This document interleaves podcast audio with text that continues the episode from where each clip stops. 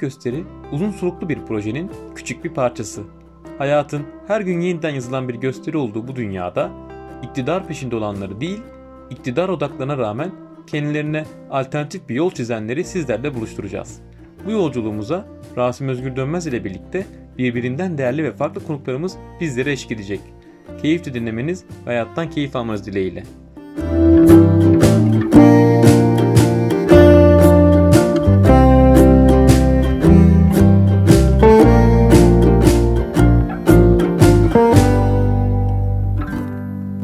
Merhabalar, ben Rasim Özgür Dönmez. E, bugünkü konuğumuz e, Gözde Aral Ocak. Kendisinin birçok yönü var. Bunlardan bir tanesi alternatif sağlık eğitimleri veriyor.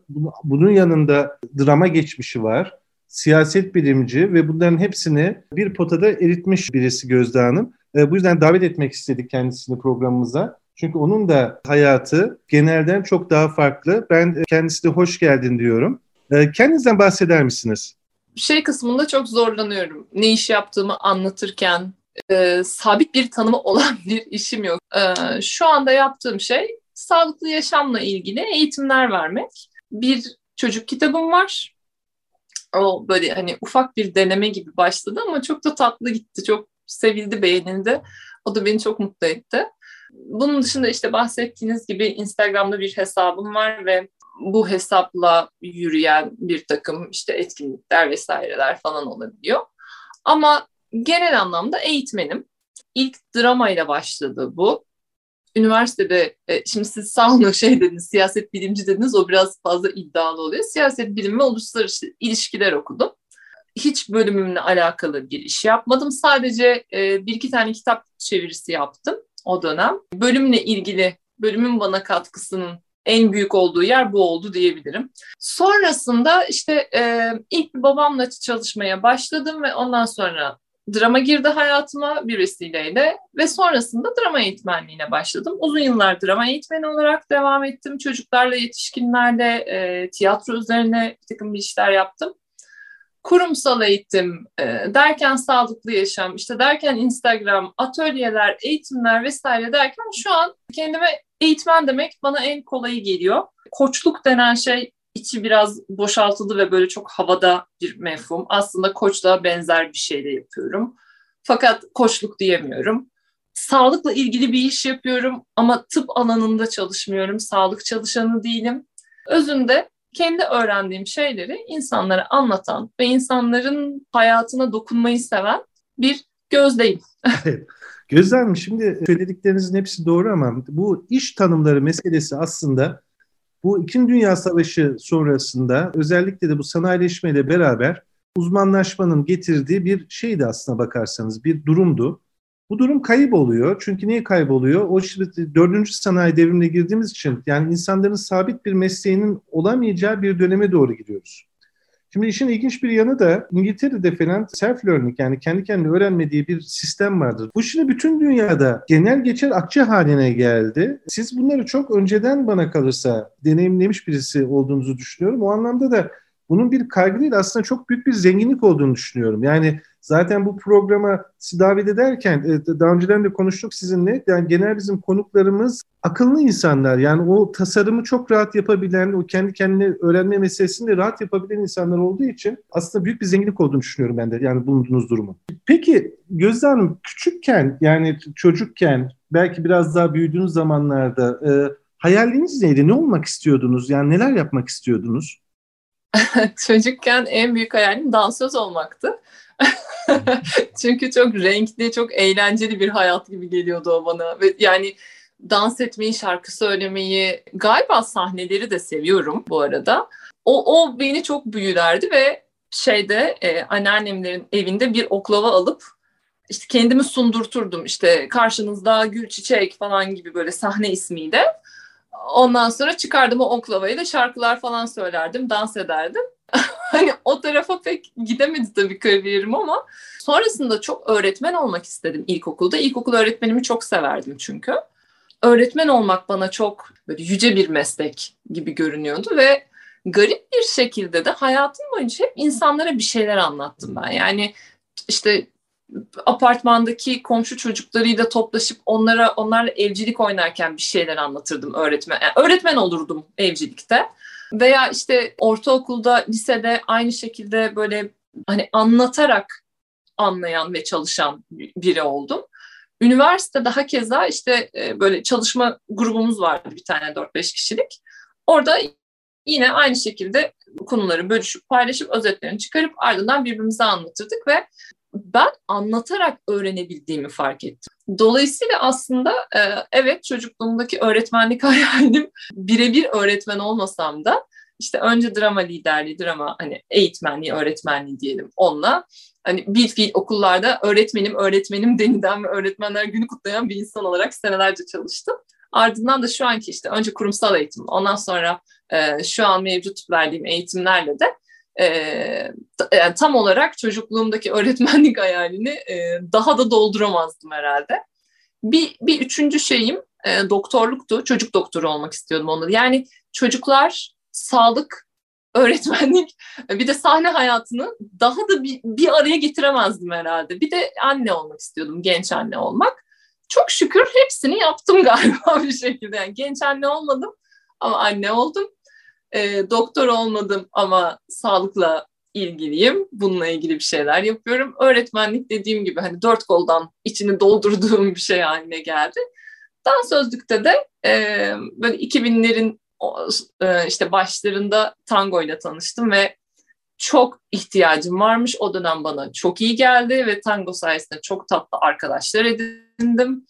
O da benim hayatıma çok güzel bir yerden dokundu. Ee, şu anda yapmıyorum ama çok seviyorum mesela tangoyu.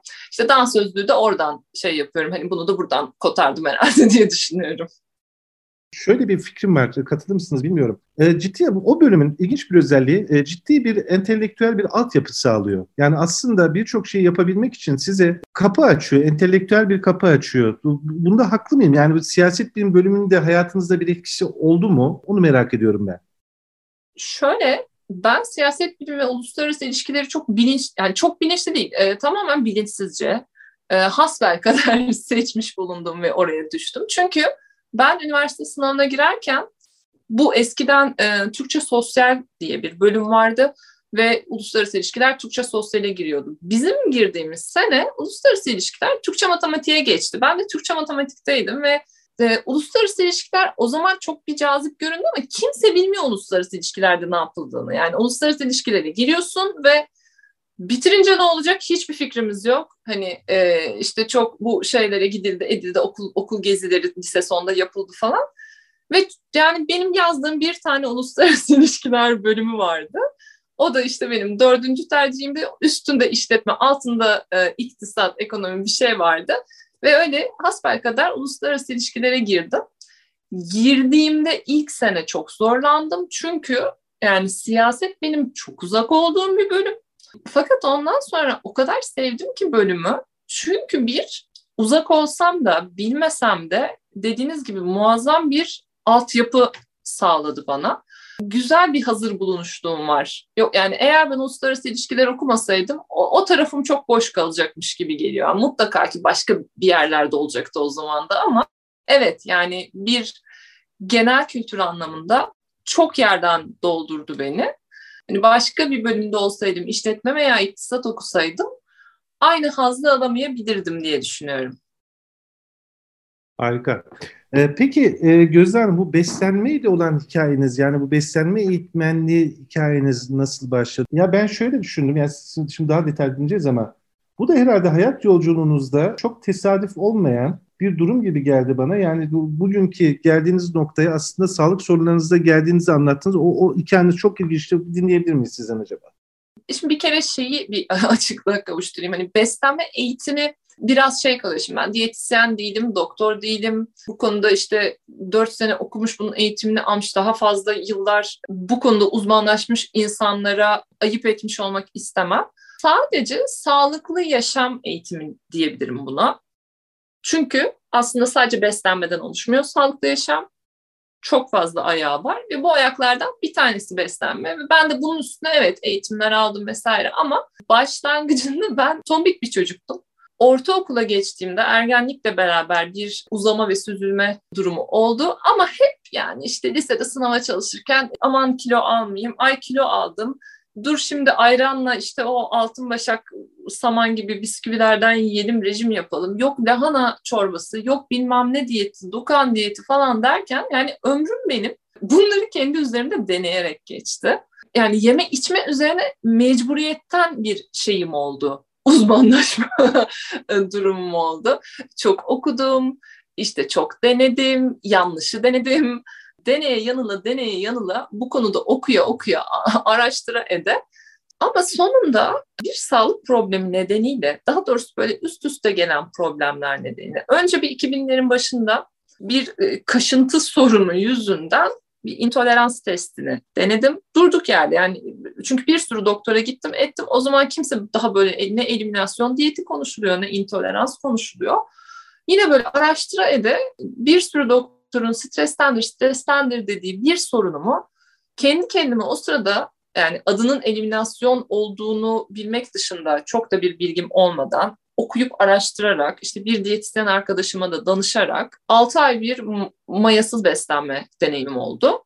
Ve bu, bunu yaparken çok şey öğrendim. Bu bana beslenmeyle bedenin verdiği tepkiler arasında ne kadar büyük bir bağlantı olduğunu gösterdi.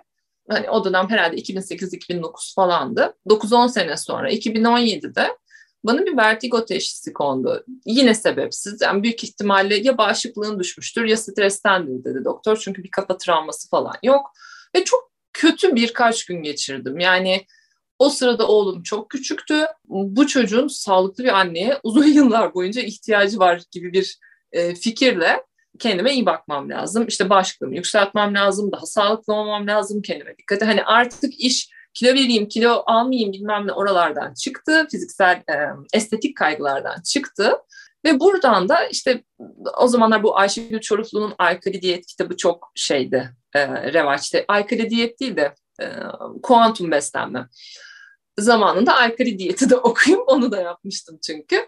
Ama işte bunlar hep diyet, hani tırnak içinde diyet diye görüldüğü için ve kilo verene kadar yapılan ve kilo verdikten sonra bırakılan şeyler olduğu için hani o, o zaman öyle bir bilincim yoktu. Kuantum beslenmeyi okuduktan sonra ben dedim ki tamam tatilden dönünce ben başlıyorum artık. Yani ben böyle yaşayacağım. Ama bu diyet değil. Ben artık hayatımı değiştireceğim. Yani düzenim bu olacak. Yeni bir düzen oluşturacağım kendime. Önce bir başladım bir böyle bir 8-10 gün. Baktım iyi gidiyor, fena değil. Ondan sonra Instagram hesabı açtım. Benim yaptığım ve faydasını gördüğüm bir şeyleri insanlara empoze etme gibi bir alışkanlığım var. Ve bu hesapta da hani hem kendime motive edeyim hem de insanlar benim üstümde bir mahalle baskısı oluştursun ki ben bunu bırakmayayım. Annem ve kardeşime ilk yaptım yani hani böyle sadece çok tanıdık yakın çevrem için açacağım bu arada hesabı öyle bir fikrim var. İlk işte o akşam yediğim şeyi çektim koydum ben bu akşam bunları yiyorum falan diye. Hiç e, böyle hani büyüsün çok takipçisi olsun bilmem ne falan diye düşünülmüş edilmiş üzerinde çalışılmış bir şey değildi. Öylece bir gün çıktı.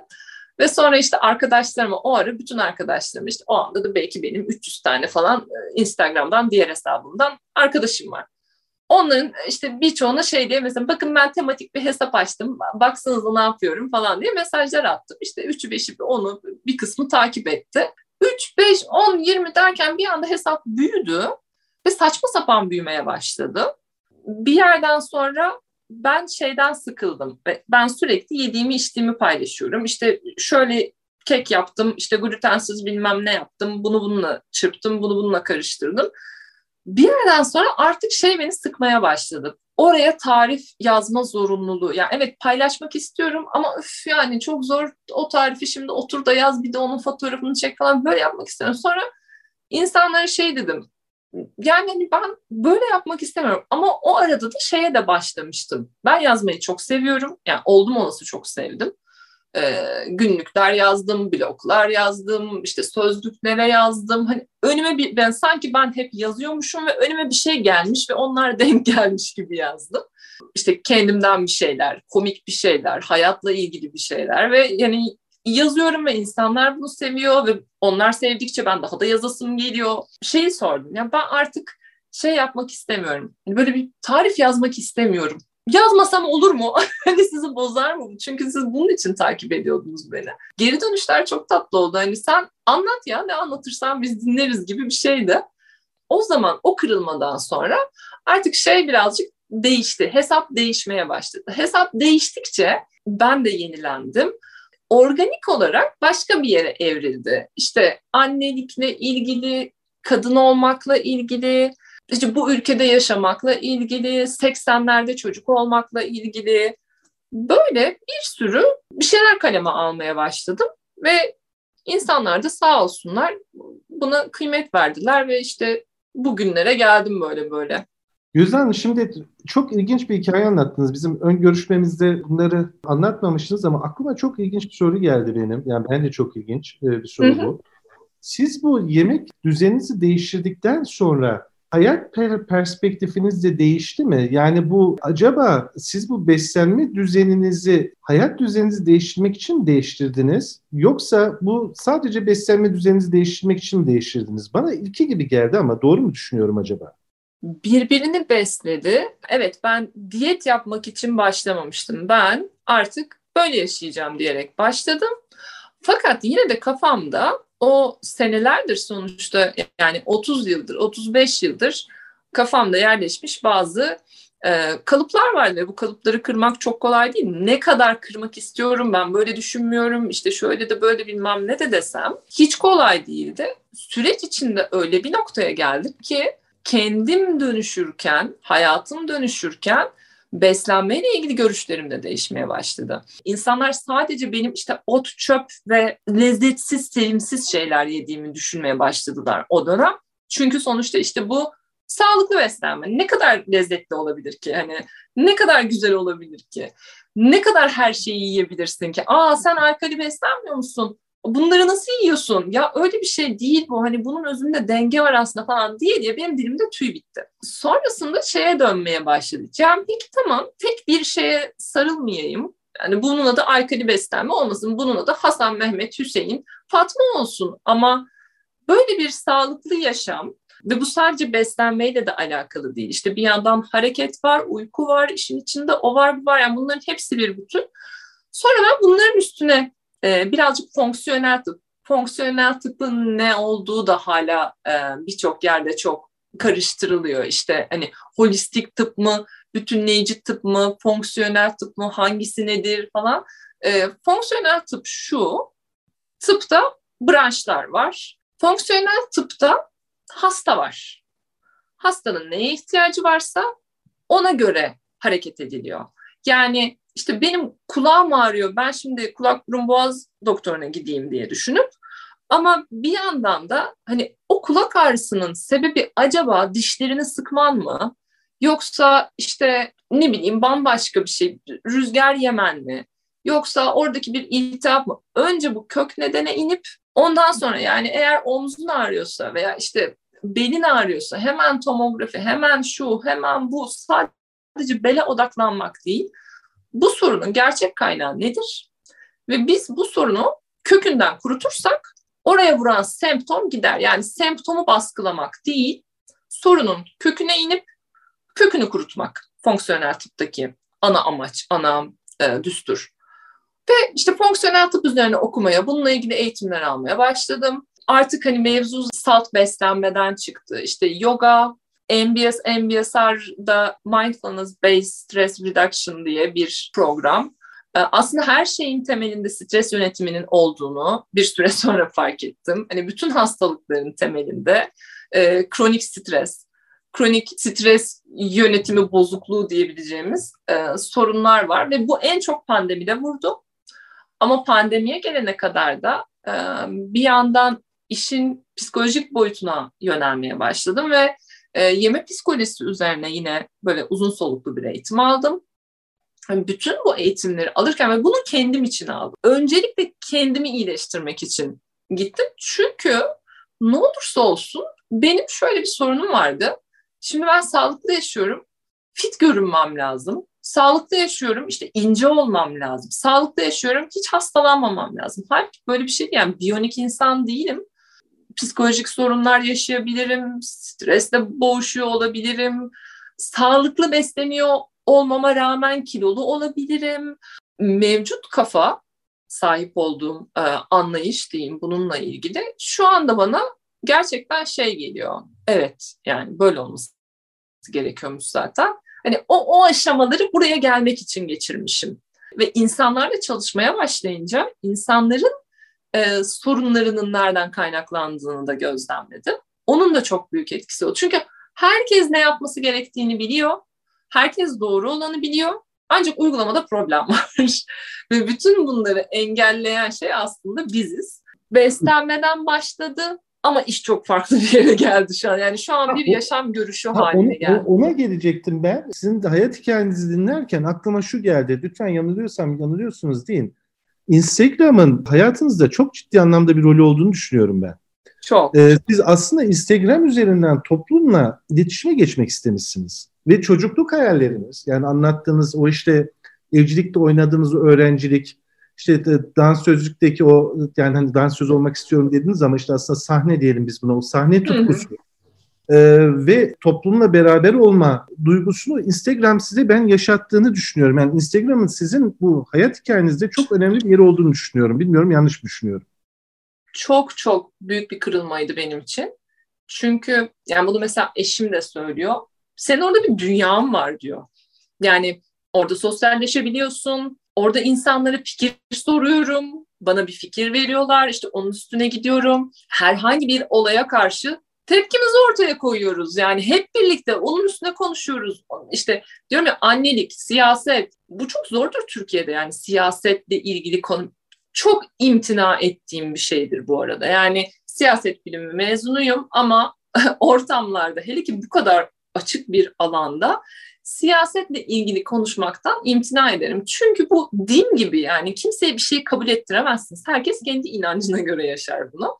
Fakat insanım ve toplumsal bazı süreçlerden geçiyoruz ve ben de bundan etkileniyorum ve ben eğer bunu oraya yansıtmazsam ben samimiyetimi kaybederim.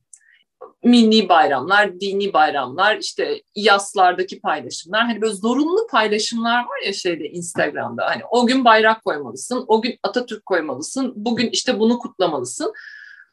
Bunu hiç böyle yapmadım. İçimden ne geliyorsa öyle yaptım. Dolayısıyla oradaki samimiyet çok kuvvetlendi.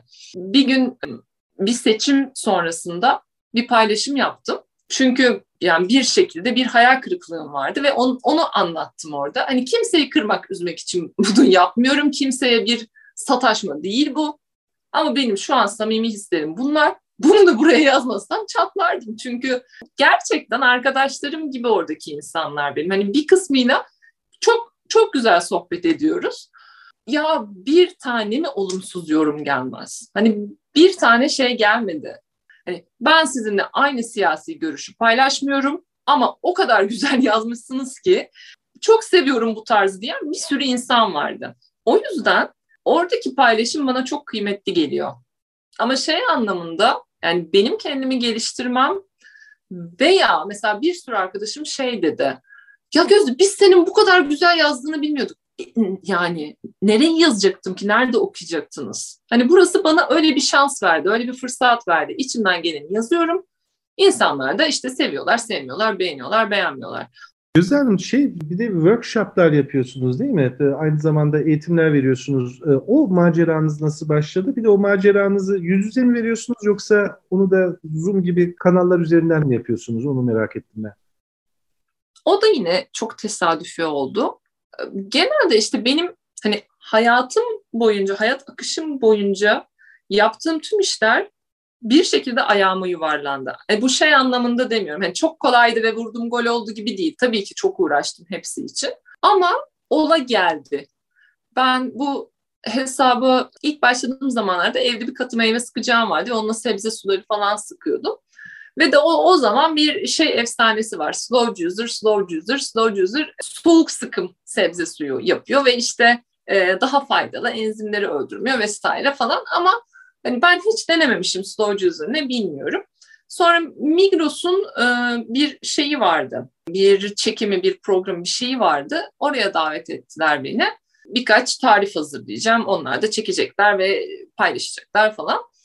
Orada bir slow user firması, Hurom diye bir firma Onun yetkilileriyle tanıştım. İşte onu kullandım falan. Ha kullanmadan önce dedim ki e, böyle böyle hani bunu kullanacakmışım. Ama ben hiç slow juicer kullanmadım daha önce. Ben evde katı meyve sıkacağı kullanıyorum.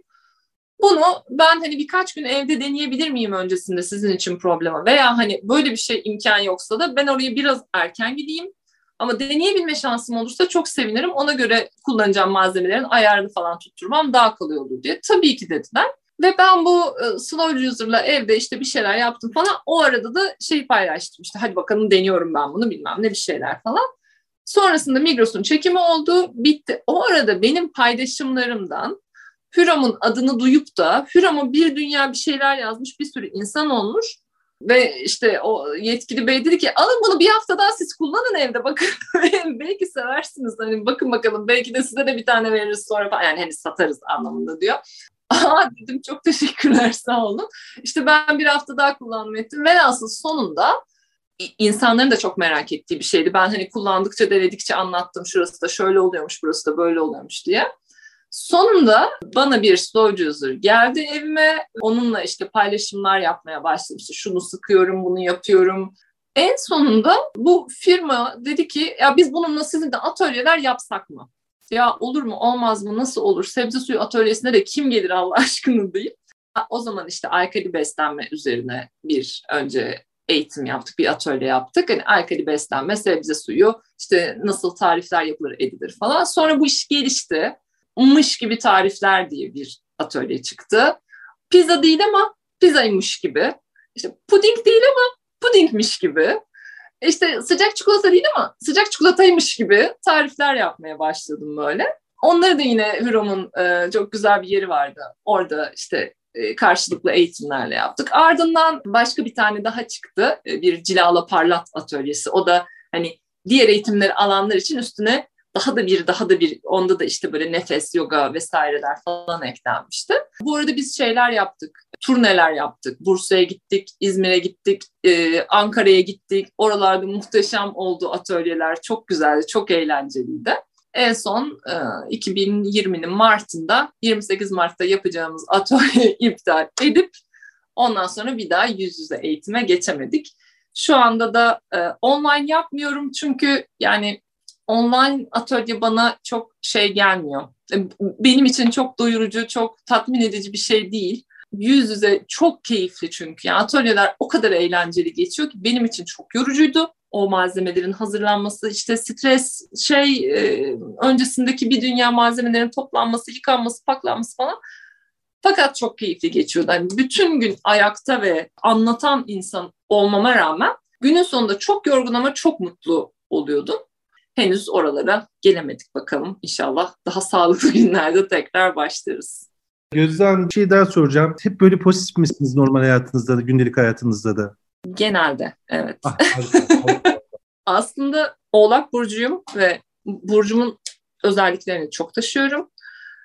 yani çok söylenen bir şey Oğlak Burcu kötümserdir. Hani iyi, iyi tarafını çok da göremez olayların falan. Fakat yine benim şeyde Instagram'da kullandığım bir diren bardağın dolu tarafı diye bir hashtag var yine. Çünkü bardağın dolu tarafına tutunmadan hayat geçmiyor. Yani 40 yaş itibariyle heybeme koyduğum hani şu anki geldiğim kafa dediğim şey o işte. Yani eğer bardağın dolu tarafına tutunmazsak ayakta kalmak çok kolay değil. O yüzden çok hani çare goy goy ve bardağın dolu tarafı e, gerisi çok anlamlı gelmiyor bana. Çünkü hayat çok kısa. Kesinlikle ve e, çok güzel bir hayat dizaynı yapmışsınız. Yani hayat tasarımını yapmışsınız. Kendi hayatınızın tasarımınızı yapmışsınız ve ben yani imrederek dinledim sizi. Peki e, şey soracağım. Bundan sonraki planlarınız nedir? Hayalleriniz nedir? Biraz da ondan bahsedersiniz. Yavaş yavaş kapatalım biz de. Son soru olarak alalım bunu. Yani şimdiye kadar dediğim gibi hani her şey o kadar gelişine vurduğum toplarla ilerledi ki bundan sonrası için hani en büyük hayalim diyeceğim şey huzurlu bir hayat sürmek, ailemle keyfini sürebileceğim sağlıklı bir hayat sürmek. Hani bir tane proje anlamında bir şey varsa kafamda çocuk kitabına devam etmek. Kendime yazar diyemem ama çocuk kitabı çizik treni olarak birazcık daha o yolda ilerlemeyi çok istiyorum. ve e, çocuklarla iletişim kurma yolum.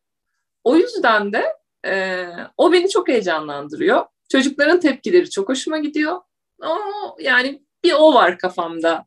Yani bir proje halinde değil ama istek olarak hayal ileride yapayım dediğim şeylerden biri de ona devam etmek. Bir de hayat tasarımı diye bir şey var. Bir, e, ne diyeyim size bir disiplin var ki bu disiplin aynen astroloji gibi bir şey. Sizin hayat tasarımınız bence siz bu hayata bir şifacı olarak gelmişsiniz. ben öyle düşünüyorum. Ve Instagram size bu fırsatı vermiş. Siz toplumla, o toplumun enerjisiyle ne kadar birleşirseniz o kadar da ben sizin pozitif olduğunuzu ve topluma da bu kadar pozitif bir e, enerji yaydığınızı düşünüyorum. Bilmiyorum doğru düşünüyor muyum? Ya çok güzel bir saptama oldu bu. Çünkü Instagram'da gelen mesajları yanıtlamak çok ciddi bir mesai. Yani birçok kişi yanıtlamaz. Ben çok zevk alıyorum onları yanıtlamaktan. Bir, dediğim gibi hani iletişim kurma yolu bu da insanlarla iletişime geçiyorum. İki, ya bir faydam oluyor. Ya ufacık bir şey, çok minik bir şey belki. Ama benim orada söylediğim minicik bir şey o insanın işine yarıyor ve o kadar çok insan var ki gözde hani sadece bu hesabı takip ederek şunlar bunlar oldu hayatımda çok teşekkürler diyen yani orada anlattığım bir tane cümle belki hayatını etkiliyor ve bunun bana dönüşü yani eğitim programlarındaki dönüşler zaten muhteşem. Böyle bir ara her programın bitişinde hüngür hüngür ağlıyordum gelen dönüşlerden. Evet yani Instagram olmasaydı belki bunun bu kadar ben de farkına varmamış olacaktım. Ama bu bana büyük bir haz veriyor. Yani insanlara bir şekilde yararımın dokunuyor olması. Evet yani belki de onun için geldim.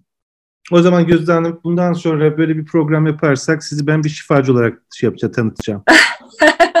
Öyle deyince de bu sefer çok antin kuntin bir şey diye anlayacaklar. Yok, Ondan da korkuyorum ama o kadar olsun yani özü iyi. Tabii tabii o kadar çok tu- tuhaf e, kendisi şifacı olarak zanneden ve televizyona çıkan insan var ki siz hala onların yanında çok çok daha bence şifacısınız. Çok teşekkür ediyorum. Yani çok Sağ olun, e, mutlu oldum sizinle beraber olmaktan. Çok teşekkür ederim. Sağ olun beni konuk ettiğiniz için.